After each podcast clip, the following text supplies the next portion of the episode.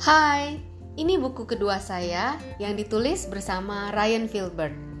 Why Woman as a Trader and Men as an Investor. Ini adalah bagian saya untuk menceritakan wanita sebagai seorang trader. Yuk, kita dengar ceritanya.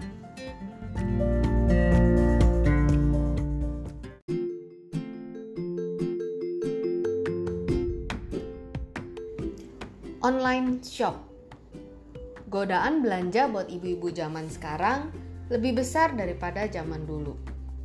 Zaman sekarang, kalau mau belanja itu mudah sekali. Tanpa perlu keluar rumah, tanpa perlu dandan, semua dapat dibeli hanya dengan menyentuh layar HP atau komputer. Semua kebutuhan, mulai dari ujung rambut sampai ujung kaki, tersedia dan semua dapat dibeli lewat online shop. Di gadget dan aplikasi mana pun, kita dapat dengan mudahnya belanja. Di BBM atau WhatsApp, ada yang memasang profil dagangannya dilengkapi dengan status minat PM. Di Facebook juga banyak dagangan menghiasi beranda. Memanggil-manggil ingin dibeli. Di Instagram, banyak baju-baju manis dan menggoda berkeliaran di depan mata. Barang-barang yang sebenarnya bukanlah kebutuhan. Sama juga ceritanya ketika buka browser internet. Iklan diskon resto, hotel, traveling bertebaran di mana-mana. Semuanya memanggil dan menggoda iman dompet. Mereka begitu menggoda mata, belanja menjadi simple dan mudah. Shopping is so easy.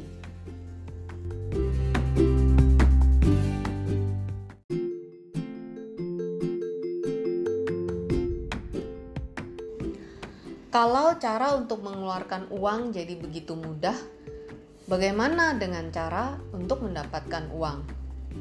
Apakah semudah dengan mengeluarkannya? Kalau ada ibu-ibu yang belanja di online shop, berarti di sisi lain juga ada ibu-ibu yang jualan lewat online shop. Jadi, menurut saya, online shop adalah sebuah cara bisnis yang bagus dan menarik. Berbicara tentang online shop, saya juga mengikuti tren. Saya juga punya online shop. Bila ibu-ibu lain punya online shop di jejaring media sosial, maka saya punya online shop di internet. Online shop saya terletak di Bursa Efek Indonesia atau BEI. Gedung Bursa Efek Indonesia terletak di Jalan Jenderal Sudirman, Kafling 52 sampai 53, Jakarta. Letaknya dekat Mall Pacific Place. Itu loh, dekat dengan Kidsania. Tempat main anak-anak yang bisa main sambil belajar. Mungkin anak-anak kita pernah main ke sana bersama dengan sekolahnya. Bisa punya toko di BEI. Bagaimana caranya ya?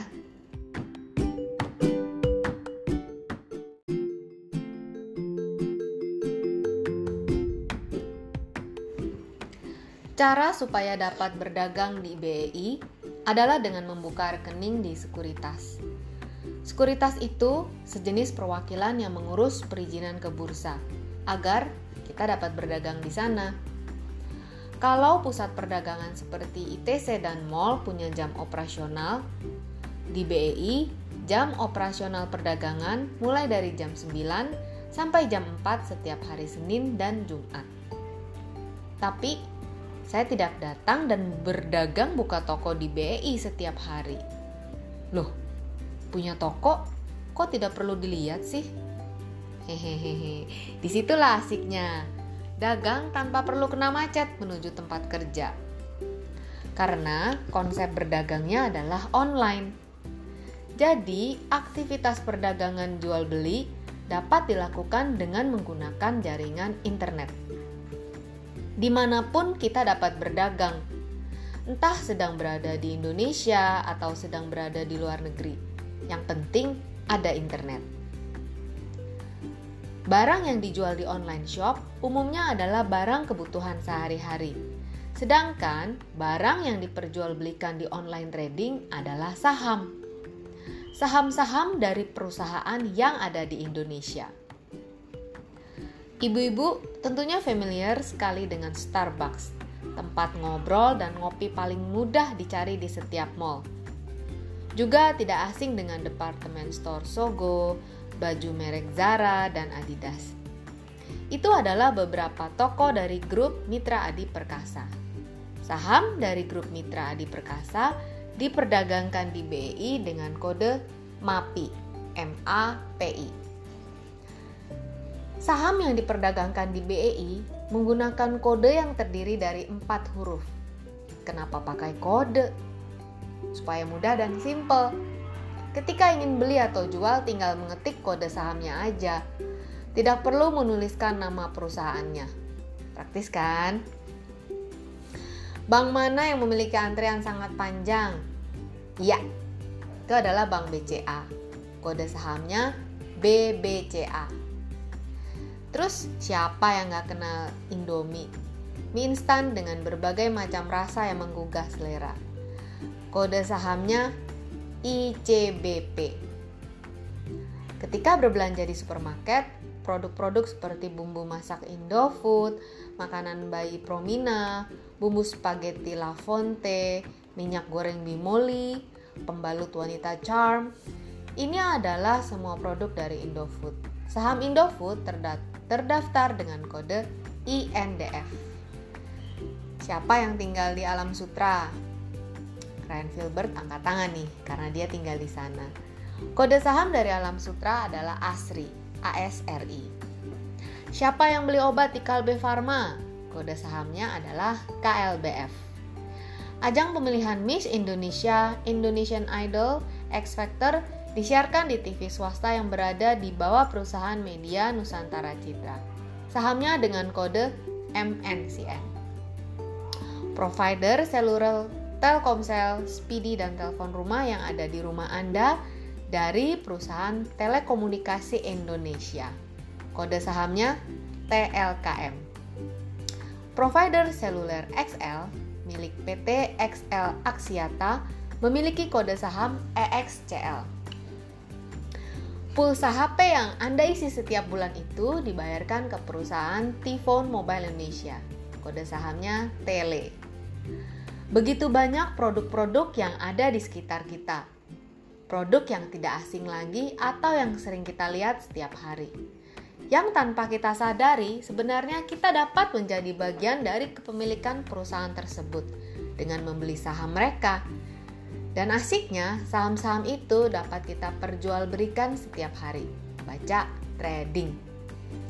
Saham-saham tersebut kita perjualbelikan dengan para pemilik toko atau trader lainnya di BEI.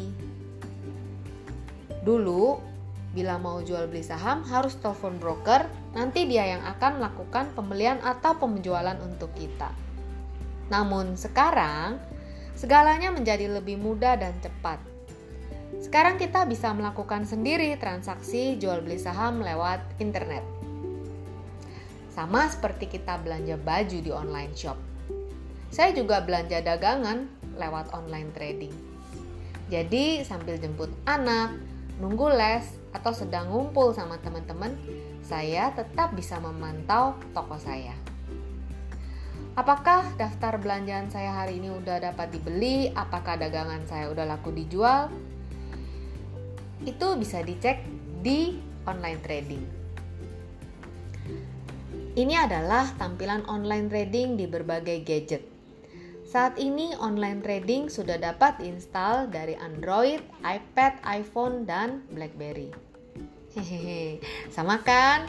Sama-sama lihat gadget, sama-sama jual beli.